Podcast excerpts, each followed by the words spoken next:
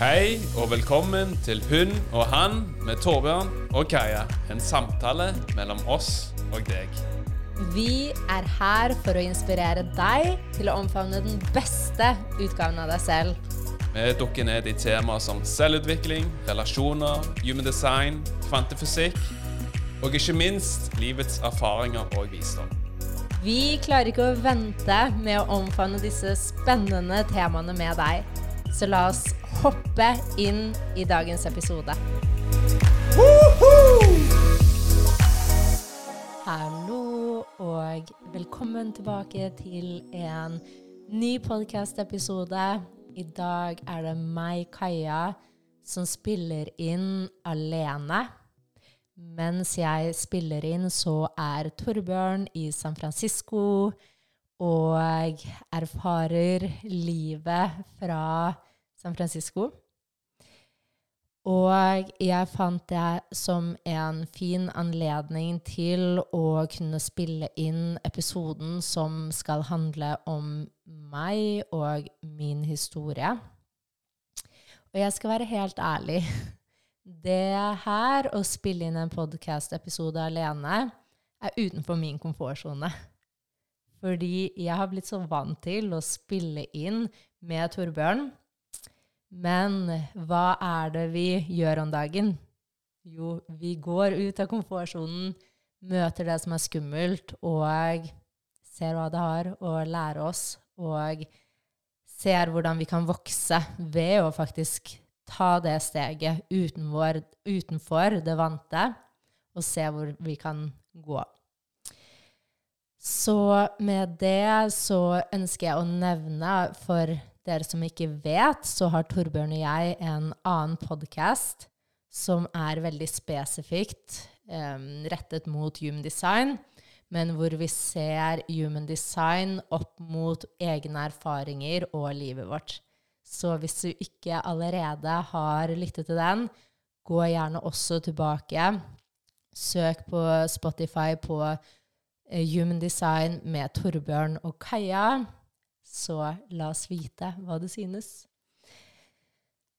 Med det så vil jeg også takke for at du er her med meg, for at du vil lytte på min historie.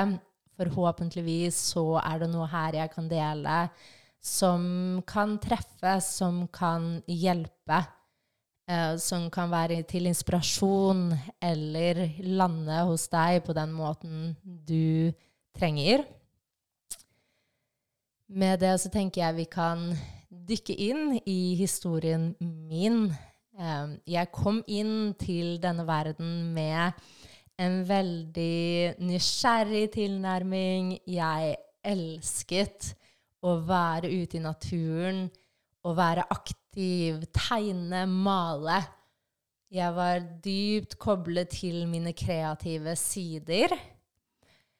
Etter hvert som livet møtte meg, og um, ting endret seg, og jeg ble nødt til å gjøre ting jeg ikke likte, så stilte jeg spørsmålstegn. Um, når jeg leser tilbake i dagboken min, er det veldig interessant å se, fordi jeg kunne ikke forstå hvorfor vi måtte gjøre ting vi ikke likte å gjøre. Og hvorfor vi ikke kunne gjøre mer av det vi genuint ble dratt mot. Det vi genuint Eller det som genuint gjorde oss glade. Så etter hvert så forsto jeg at OK, jeg får overgi meg. Jeg trente meg til å møte liv og gjøre ting jeg ikke likte.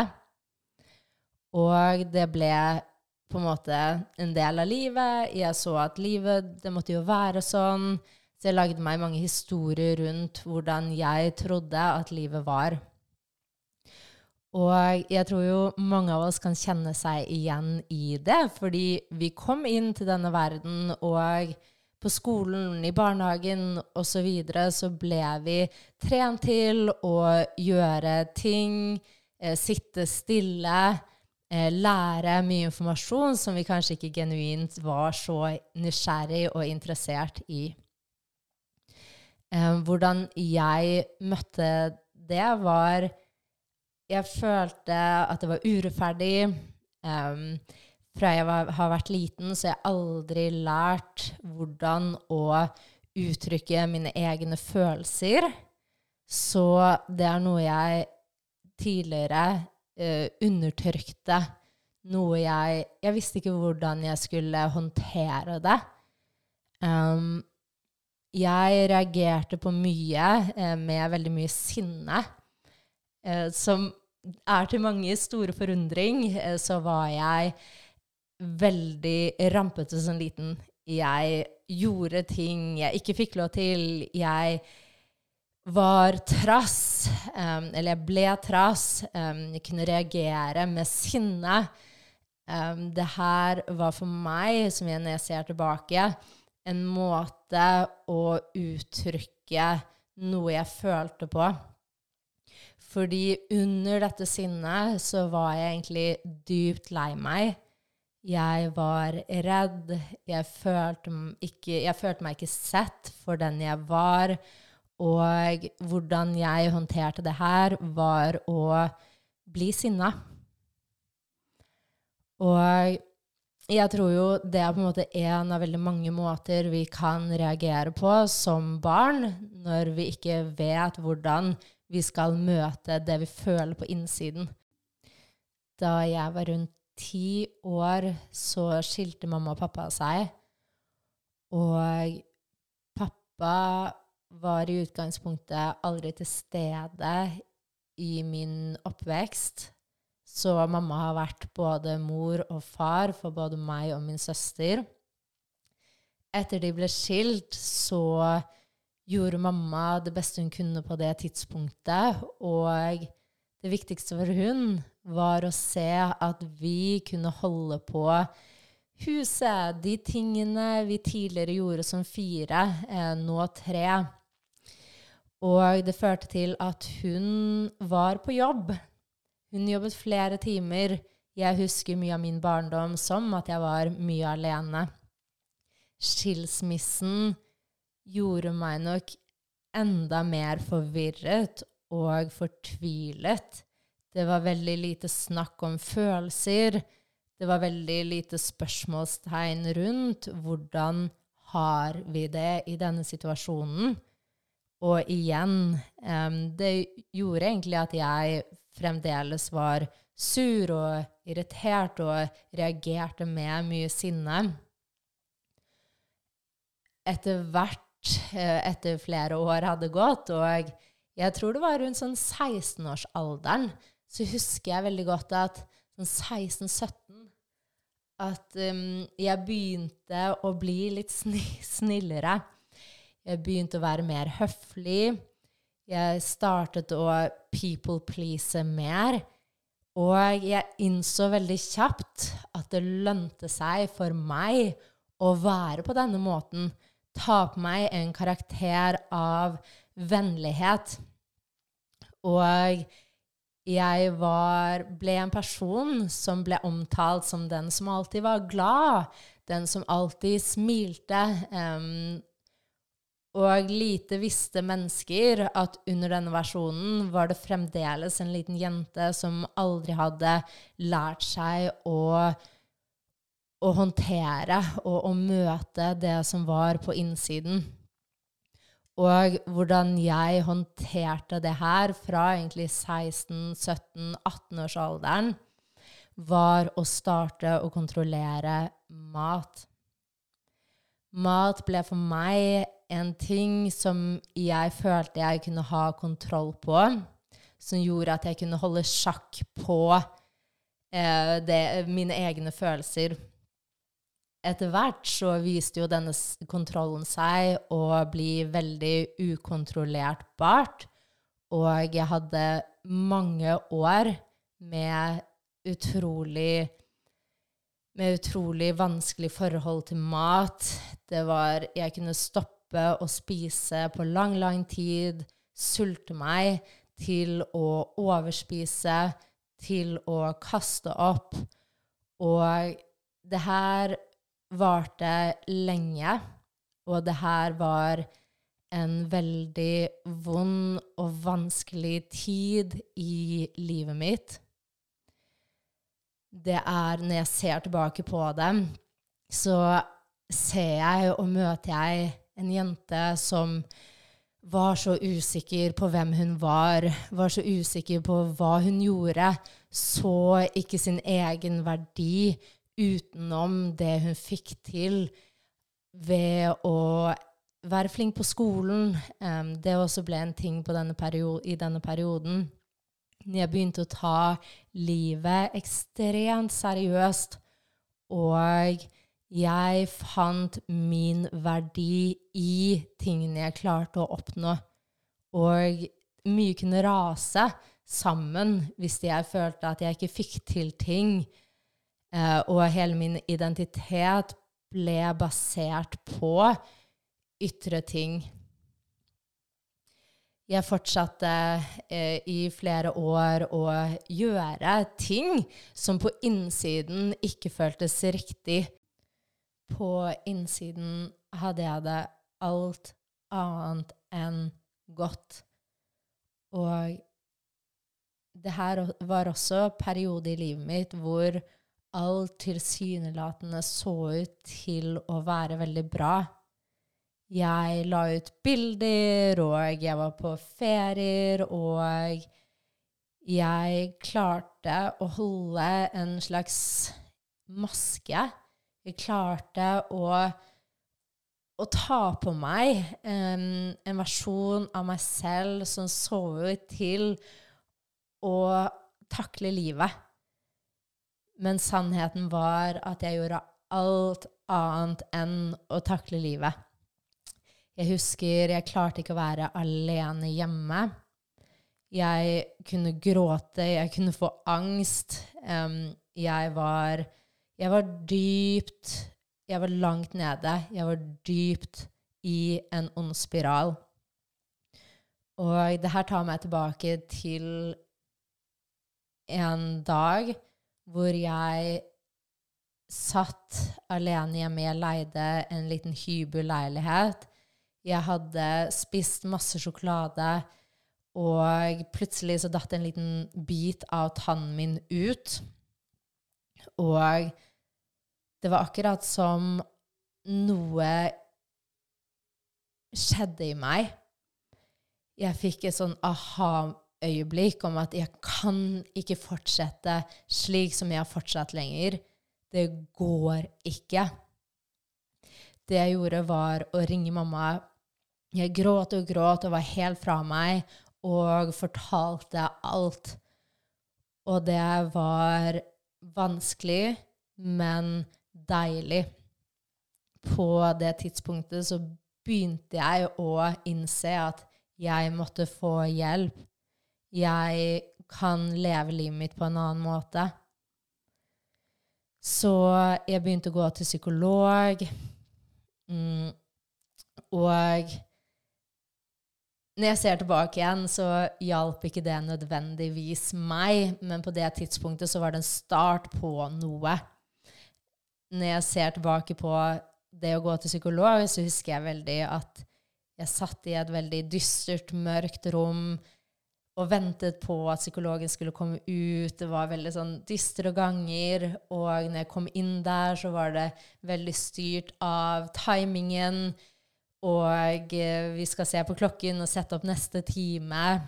I tillegg til at jeg ser at det ikke nødvendigvis trenger vi å snakke og snakke og snakke om ting som skjedde. Uh, og det er derfor jeg nå er veldig glad i det hol holistiske synet og å møte ting fra ulike steder, som jeg kommer til å komme mer tilbake til. Men uh, uansett så så var det starten på noe. Mitt turbulente forhold til mat ble bedre etter jeg kanskje gikk andre år på BI under mine studier. Jeg var mer i mine rutiner. Jeg var ikke så i noen spiralen, men det var fortsatt og fremdeles følelser som jeg ikke hadde som jeg ikke hadde jobbet med, og som fremdeles var der, som ville opp og frem. På et tidspunkt så satt jeg med alt jeg tenkte at jeg trengte. Og alt jeg var fortalt, at det var sånn Det her er mestringen av livet. Når du får til dette, så har du mestret livet. Og jeg hadde leilighet. Jeg hadde Jeg eide leilighet, jeg hadde kjæreste, jeg hadde mange venner. Jeg trente, jeg hadde en god jobb og godt betalt. Men på innsiden så var det akkurat som at jeg følte det var noe mer. Det var noe inni meg som var sånn Kom igjen! Det er noe mer til livet, og det her er ikke alt. Og i en periode så prøvde jeg å dempe denne stemmen og fortsatte racet. Jeg så rundt meg, så på hva alle andre gjorde, og tenkte dette er måten jeg må leve på. Det her er det vi må. Det her Min realitet var at jeg trodde livet måtte være på den måten. Jeg klarte ikke på dette tidspunktet å se en annen realitet. Og jeg husker veldig godt jeg var i en jobb og så rundt meg, og alle klagde på jobben. Det her var innenfor eiendom, og alle klagde på jobben. Det var ingen som genuint trivdes der. Men veldig mange hadde kommet i en posisjon hvor man ikke lenger bare kunne si opp jobben fordi lønnen hadde økt såpass mye, og kanskje vi hadde tatt på oss, eller man hadde tatt på seg lån deretter. Og i mitt stille I min prosess så så jeg veldig tydelig at jeg vil ikke bli en av de. Jeg nekter å bli en av de. Det førte til at jeg gjorde en endring, men jeg hoppet egentlig fra en jobb til en annen. Eh, og det gjorde jeg flere ganger i håp om at det skulle bli bedre. Og ja, når vi gjør endringer, så blir det bedre i starten. Men hvis vi ikke gjør, endrer noe fra bunnen, en årsak, så vil også denne tingen som vi ikke har jobbet med, speile seg. Eh, og det var det som skjedde med meg. Og jeg husker at jeg var sammen med min ekskjæreste, og vi gjorde det slutt. Jeg tror det her var rundt 2015. Og jeg hadde allerede startet med yoga, og det, jeg visste det var noe der. Men nå i denne perioden så begynte jeg å gjøre yoga regelmessig. Hva jeg alltid hadde gjort tidligere, var å stenge følelsene, gå videre, hoppe over til noe annet, late som alt er bra. Og denne gangen ble annerledes. Jeg husker så godt at jeg lå i shavasana etter utført yogatime, og tårene startet å trille. Og det var så uvant for meg, men det var så utrolig deilig. Fordi endelig kunne jeg føle, og jeg kunne tørre å føle hva jeg følte på innsiden. Så jeg vil si at det her ble starten på reisen innover.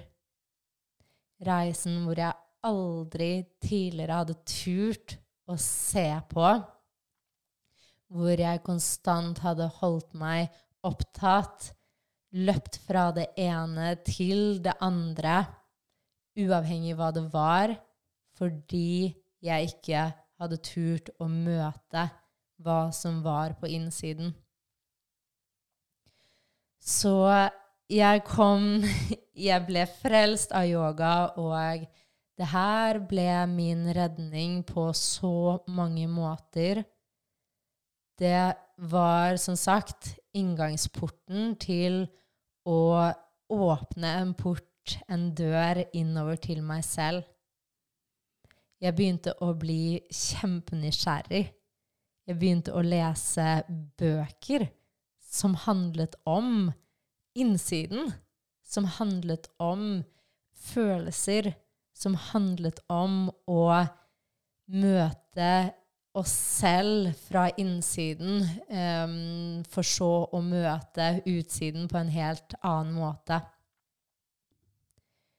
Denne perioden var, ble en veldig transformerende periode for meg. Jeg har alltid vært en person som har vært i et forhold. Um, dette året, um, denne tiden, gjorde jeg andre ting. Jeg begynte å Jeg dro på en tur til Portugal helt alene. Noe jeg aldri i verden kunne funnet på å gjøre. Jeg ble nysgjerrig på livet. Jeg så at det var så mye mer til livet enn det jeg trodde. Og jeg fikk også forståelsen av at vet du hva, det på utsiden av meg er ingenting jeg har lyst på hvis ikke jeg er i fred fra innsiden. Så det her var også en periode jeg kvittet meg med alt jeg hadde. Jeg bodde veldig minimalistisk og hørte som regel på Bob Marley. Det var en veldig interessant periode, men jeg var fremdeles veldig knyttet til hvordan skal jeg tjene penger? Hva Jeg hadde en forestilling om og en historie rundt om hva det ville si å tjene penger, hvordan jeg måtte jobbe for å tjene penger, og også hva som skulle til for at jeg var verdifull. Så det gjorde at jeg fremdeles holdt veldig på den eh, tidligere måten å jobbe på. Um, selv om det var noe i meg som merket at jeg trenger ikke det her lenger, så vippet jeg allikevel tilbake i det. Uh, og jeg tror også fremdeles jeg hadde mye å lære der, på mange mulige måter. Um, I 2017 så begynte jeg i DNB som finansrådgiver, og her møtte jeg Torbjørn. Og jeg er utrolig glad, og jeg ser jo tilbake nå hvorfor alt måtte skje. Og jeg hadde fremdeles en stor vei å gå.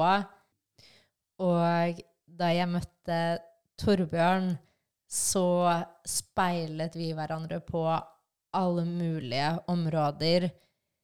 Jeg Én ting er å være singel.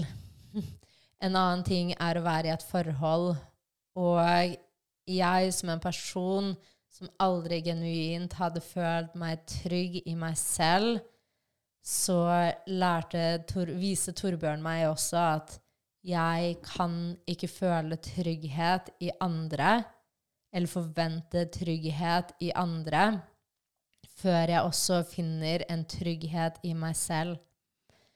Så det her var starten på Torbjørn og min, rei min reise. Vi spiller inn en egen episode hvor vi deler veldig sårbart og dypt hvordan vår reise har vært, hva vi har gått igjennom, hva som gjør at vi holder sammen på tynt og tykt. Og i 2019 så var jeg i en posisjon hvor Torbjørn hadde kjøpt seg inn i min leilighet, og jeg hadde penger til å kunne si opp jobben min. Og på det tidspunktet også så hadde jeg ikke så mye valg. Jeg måtte si opp av ulike grunner. Um, så jeg sa opp jobben min. og jeg hoppet ut i det ukjente. For meg så var ikke det superskummelt. Jeg tror jeg har en natur av å like det ukjente. Men allikevel så på dette tidspunktet var jeg for det første utrolig naiv. Jeg hadde fremdeles liksom mm, mye å møte og mye å lære. Og det her var jo midt under min Saturn return for dere som hører på, som er inn til astrologi. Og her begynte jeg med mer Jeg hadde tatt en yogautdannelse. Her, den tok jeg også ved siden av 8-4-jobben min. Og jeg vil også si at det ble veldig en kontrast. Så for meg så føltes det på den perioden at jeg var i to ulike verdener. Og da jeg sa opp jobben min, så startet jeg en, en, business som handlet om yoga til skole, yoga til barnehage, yoga til eh, arbeidssteder. Og jeg husker veldig godt at jeg satt og jeg ringte rundt, og jeg skulle komme på skoler. Jeg drev det her også litt med eh, noen venninner. Mm. Og jeg underviste også yoga på et treningssenter, både yoga og zumba. og det var også en periode. Jeg husker veldig godt at på denne perioden så begynte jeg etter hvert også å interessere meg for veldig mye mer enn yoga. Jeg leste enda flere bøker. Human design kom mer og mer til meg. Og det åpnet så mange nye dører og mange aha-øyeblikk for meg. Så kom korona, og jeg fikk plutselig veldig mye tid til å strukturere ting på en annen måte. Det var her jeg begynte å dypdykke ned i human design. Jeg begynte også å jobbe med en coach som ikke ikke lenger heiet på egoet mitt, men rett og slett fikk meg til å se mitt eget bullshit som jeg ikke hadde sett tidligere.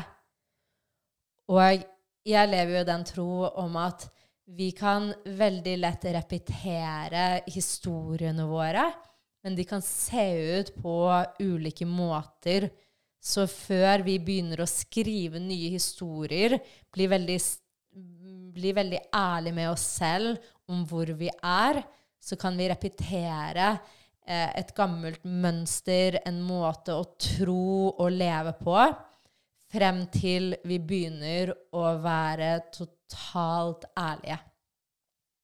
På dette tidspunktet så var jeg totalt ærlig.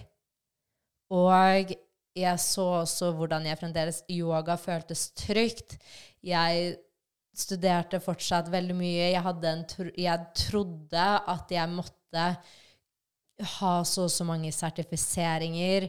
Jeg, var, jeg levde fremdeles i en tro om at jeg måtte finne min verdi, og jeg var kun god nok hvis jeg kunne dette, eller hadde denne utdannelsen eller sertifiseringen. Så hva dette gjorde med meg, var å få et veldig mye større bilde av livet. Jeg begynte å bli en observatør av mitt eget liv på en måte jeg aldri hadde vært tidligere. Jeg begynte å være enda mer bevisst på følelsene mine, og så at følelsene våre, de er OK. Og følelsene mine, som jeg alltid hadde løpt vekk fra, gjorde jo også at jeg trodde det var noe feil når jeg følte dårlig, eller jeg bare ikke følte meg i humør. Fordi den var så innprintet, den, det sitatet om at 'Kaja, du er så blid'. 'Kaja, du er en solstråle'. Så jeg måtte rett og slett reprogrammere. Her gjorde jeg mye av avlæringen. Jeg startet å reprogrammere, hvordan jeg kunne møte alt i meg selv. Så dette var en spennende eh, periode. Det var en veldig periode hvor jeg virkelig måtte overgi meg. Jeg husker at jeg syntes det var skummelt å møte mennesker når jeg gikk ute på gaten fordi jeg var redd for at folk skulle spørre meg hva jeg gjorde. Og det jeg gjorde i dette tidspunktet, var rett og slett å finne meg selv. Jeg lærte meg å høre på hva er det Kaja vil. Men den tidligere versjonen av meg lurte på hva skal jeg si til andre? Hva vil andre tro? Som en person som alltid har vært så opptatt av hva alle andre tenker og mener og sier om meg, så var dette utfordrende. Og her lærte den, nå, den daværende coachen min at jeg kan svare ting som er ubehagelig å svare. Fordi det er her jeg går utenfor min egen komfortsone. Så jeg startet å svare ting som folk ble litt overrasket av. Og jeg startet å si at jeg lever livet mitt. Jeg følger hjertet mitt og gjør det som jeg trenger akkurat nå. Og jeg tror at fordi mange av oss har kommet inn i en verden hvor vi har blitt så hedret til å gjøre, til å få til ting, til å jobbe, så kan det være utrolig utfordrende å være på et sted hvor vi plutselig ikke kan identifisere oss med det vi gjør lenger. Så dette var en periode jeg virkelig måtte overgi meg.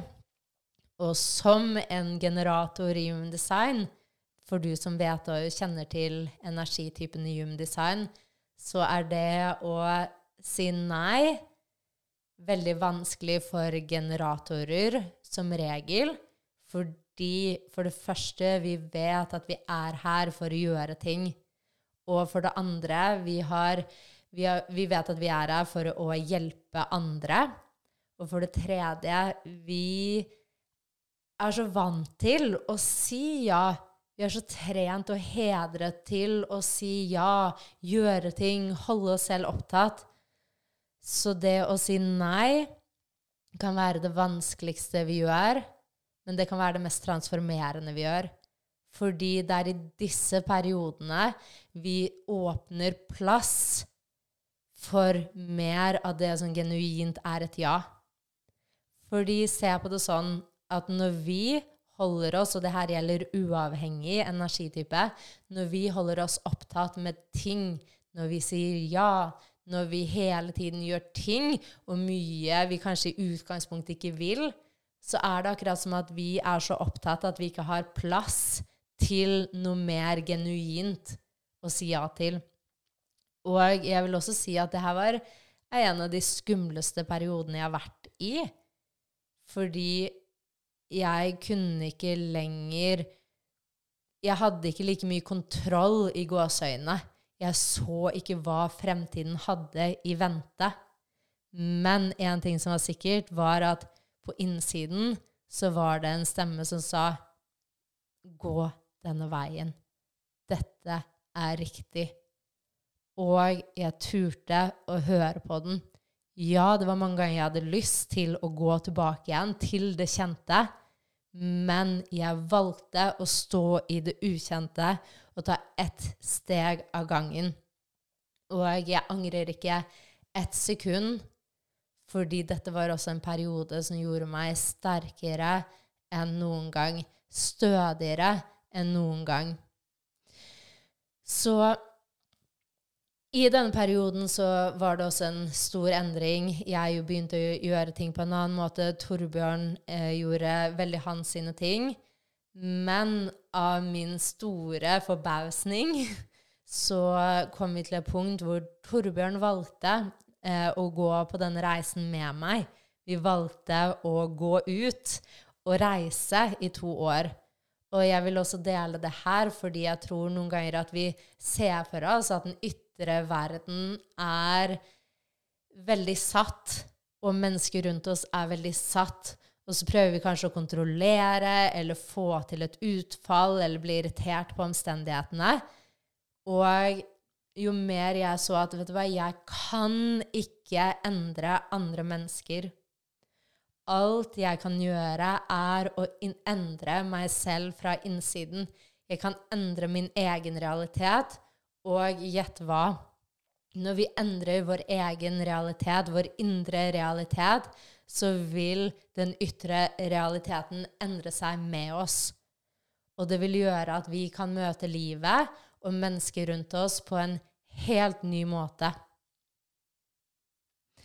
Så mye endret seg, mye skjedde. På, I denne perioden så gikk jeg og Torbjørn all in med human design. Torbjørn dykket seg dypt ned i det. Vi har det er interessant, fordi når vi ser uh, våre energier komme sammen, så kommer vi sammen med en veldig eventyrlyst. Vi er her for å gjøre endringer, for å være innovative. Det kan være en intens energi, så når vi ser på det i ettertid, så ser vi også hvor mye vi pushet hverandre litt. Um, som var en stor lekse for oss, og som fremdeles er en stor lekse for oss. Og det er det som er. Vi er fremdeles på denne reisen.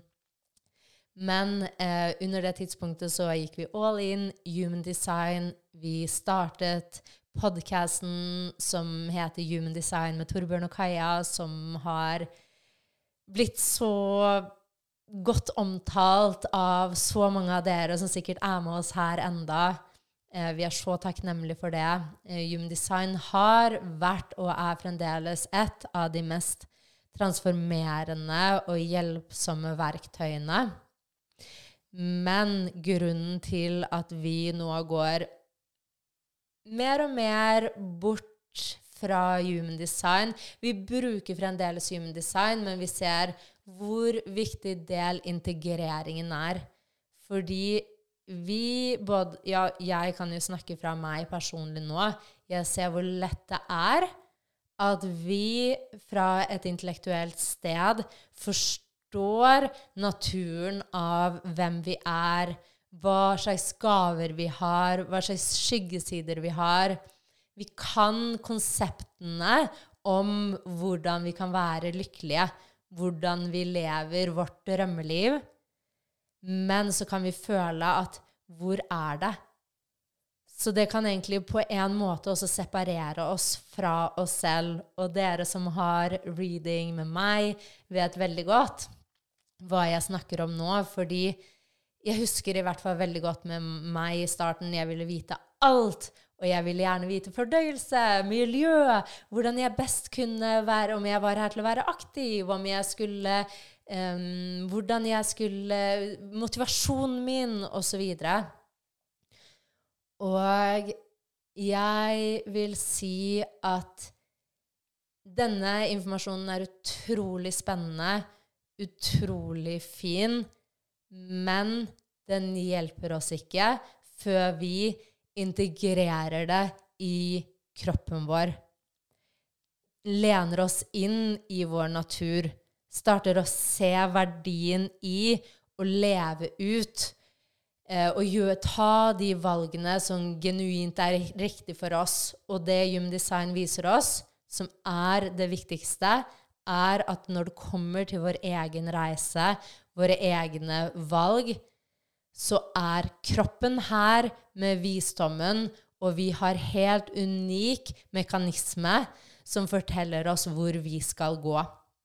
Det eneste som kan stoppe oss fra å være denne passasjeren ved å sette oss tilbake og la livet utspille seg og være en magnet i livet, er våre egne tanker.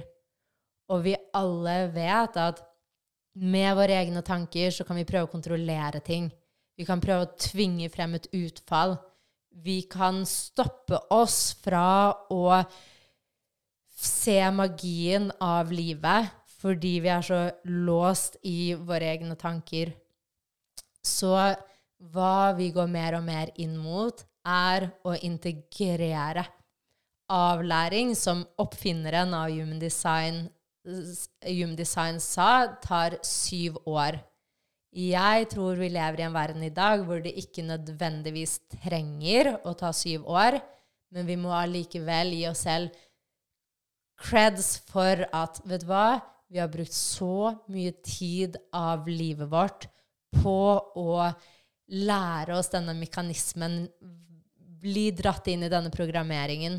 Så jeg gir meg selv tid til å begynne å bli bevisst på hva jeg gjør. Bli bevisst på hvem er jeg under disse historiene, denne programmeringen.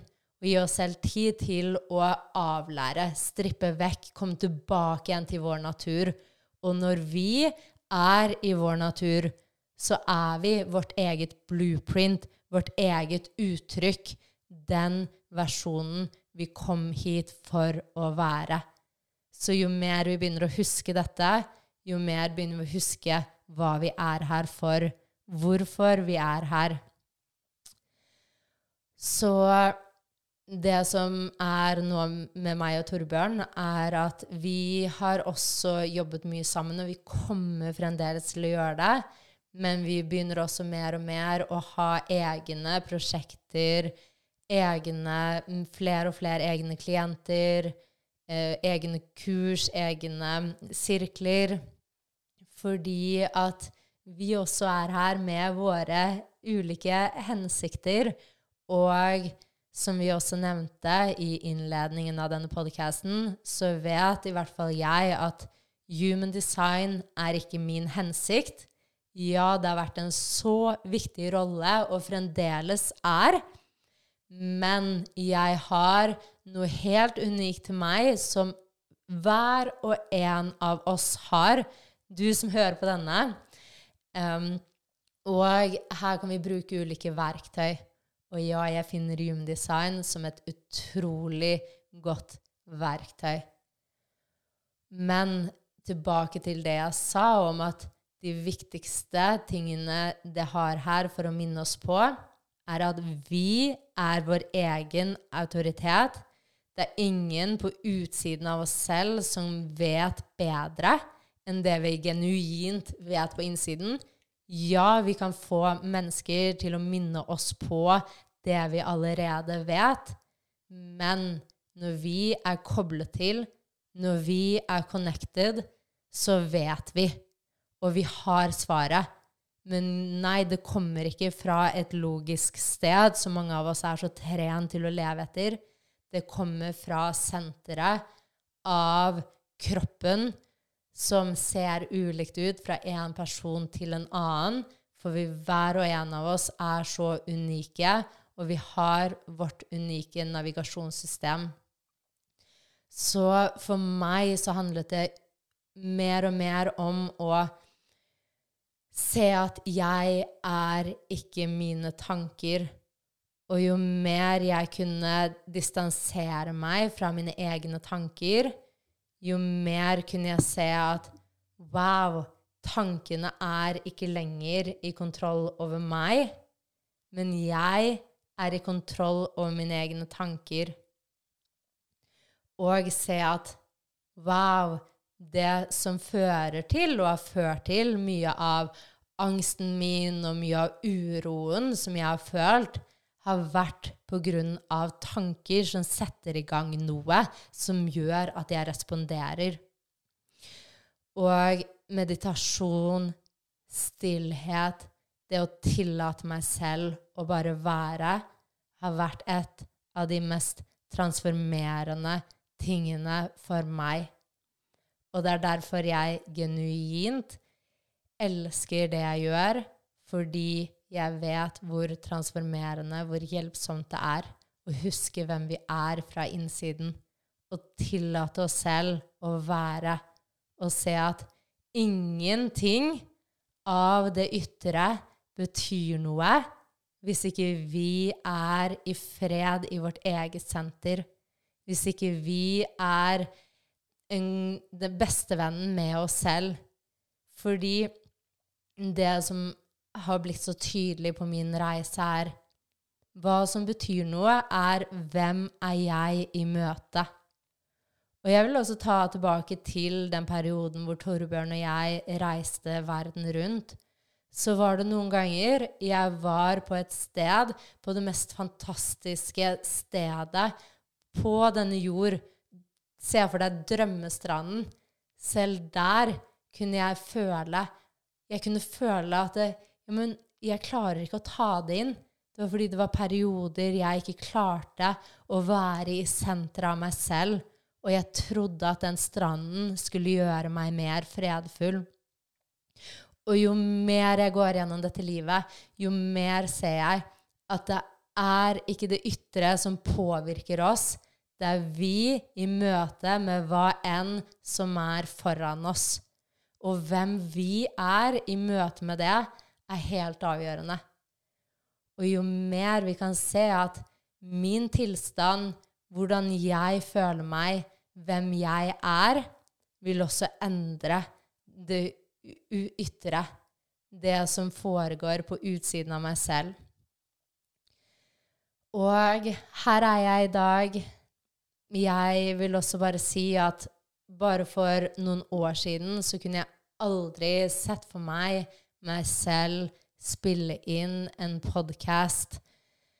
Jeg har hatt historier som har vært veldig det med at hvem er jeg til å Hvem vil høre på meg? Og er jeg god nok til det her? Alle disse historiene som så mange av oss går og bærer på. Og jeg vil bare dele at vi kan endre disse historiene de historiene er ikke oss, men det er noe vi har tatt, tatt på oss av en illusjon, av en tro, på grunn av noe vi har erfart i oppveksten, kanskje for dere som tror på tidligere liv. Men vi kan starte å skrive en ny historie, og den nye historien kan vi starte å skrive fra og med i dag. Så vil jeg dele helt til slutt òg. Jeg var på en yoga-retreat for nå en uke siden. Igjen med min mor, min, min eh, Nå holdt jeg på å si datter. Min søster. Og vi hadde en helt magisk tid. Da jeg startet reisen med å begynne å undervise yoga og si opp jobben min Min mor kunne ikke skjønne hva jeg drev med. Hun stilte spørsmålstegn. Og jeg vil også bare si sånn, det er en annen ting som har endret seg. Og igjen, jo mer vi, jo mer vi ser at de ytre tingene og menneskene rundt oss speiler oss fra hva vi tror, og hvor vi er på vår reise, jo mer spennende blir livet. Og jo mer vi ser at wow, det handler om meg selv. Ok, hvordan kan jeg møte denne kommentaren med nysgjerrighet om hva kan jeg endre? Hvor er jeg i meg selv?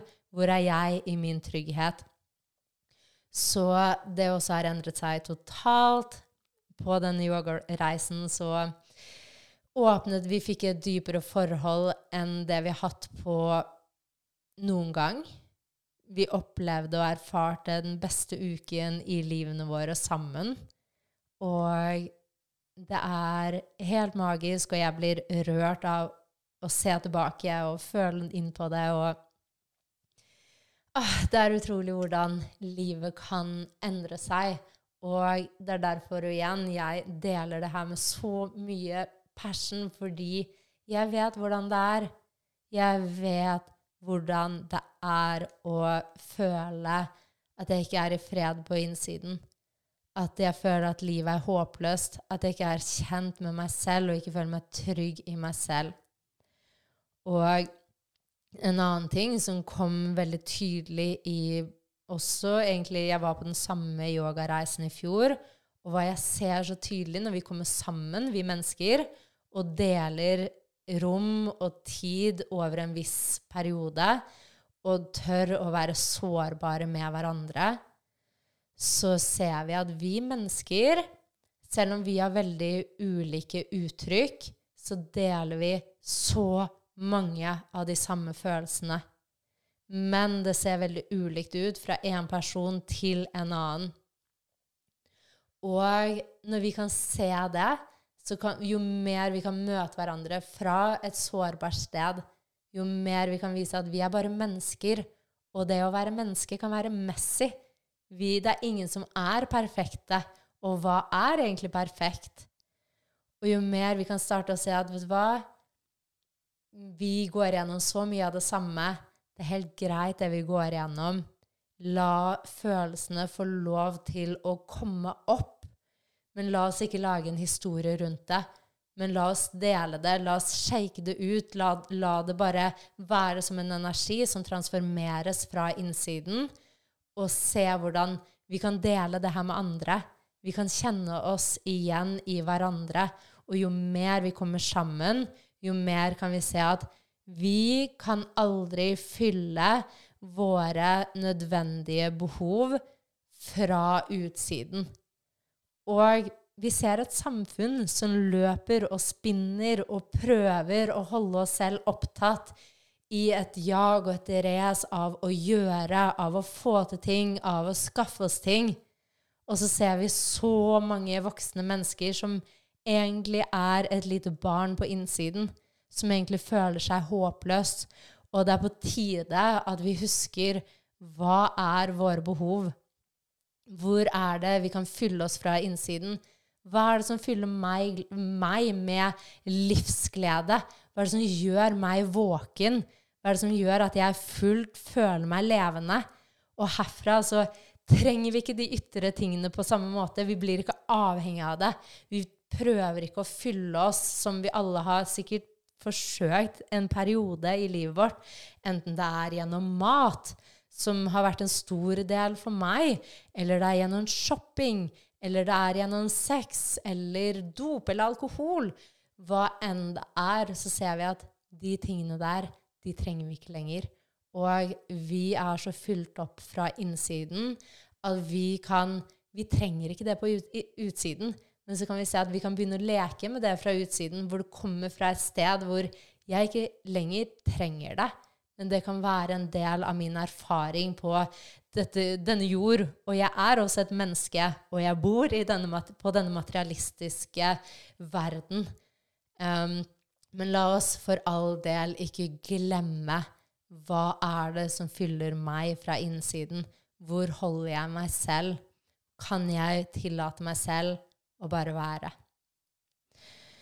Så med det så vil jeg si takk for at du er her. Vi kan ikke alltid kontrollere hva livet skjer. Jeg tror det er ingen som noen gang har sagt at livet skal være enkelt, fordi livet skjer. Vi mister mennesker vi blir glad i det er ting som oppstår underveis. Det er ting utenfor vår kontroll. Men jo mer vi er i senteret av oss selv, så Vi kan aldri styre hva, som, hva livet har i møte for oss, men vi kan styre hvordan vi møter det. Og når vi kan være i vårt senter, så er det ikke lenger noen ting som kan shake oss, og vi trenger ikke lenger å være redde. Med det så vil jeg si igjen tusen hjertelig takk for at du fremdeles er her. Det betyr så mye for meg og for oss. Torbjørn deler også sin historie. Eh, vi deler også vår historie, hvordan vi har Hva som har formet hvordan vår relasjon har vært. Jeg gleder meg til det. Og jeg gleder meg til fortsettelsen. Kom gjerne inn og følg oss på Instagram at Torbjørn og Kaja. Og fortell oss gjerne hvordan du opplevde denne, denne episoden. Og. Ha en nydelig dag. Vi håper du likte denne episoden, og i så fall setter vi stor pris på om du gir oss rating og deler denne episoden. For mer av oss, kom gjerne inn og følg oss på Instagram at Torbjørn og Kaja. Og ikke glem å sjekke ut våre produkter og tjenester på Torbjørn og Kaja.com. Vi ses i neste episode.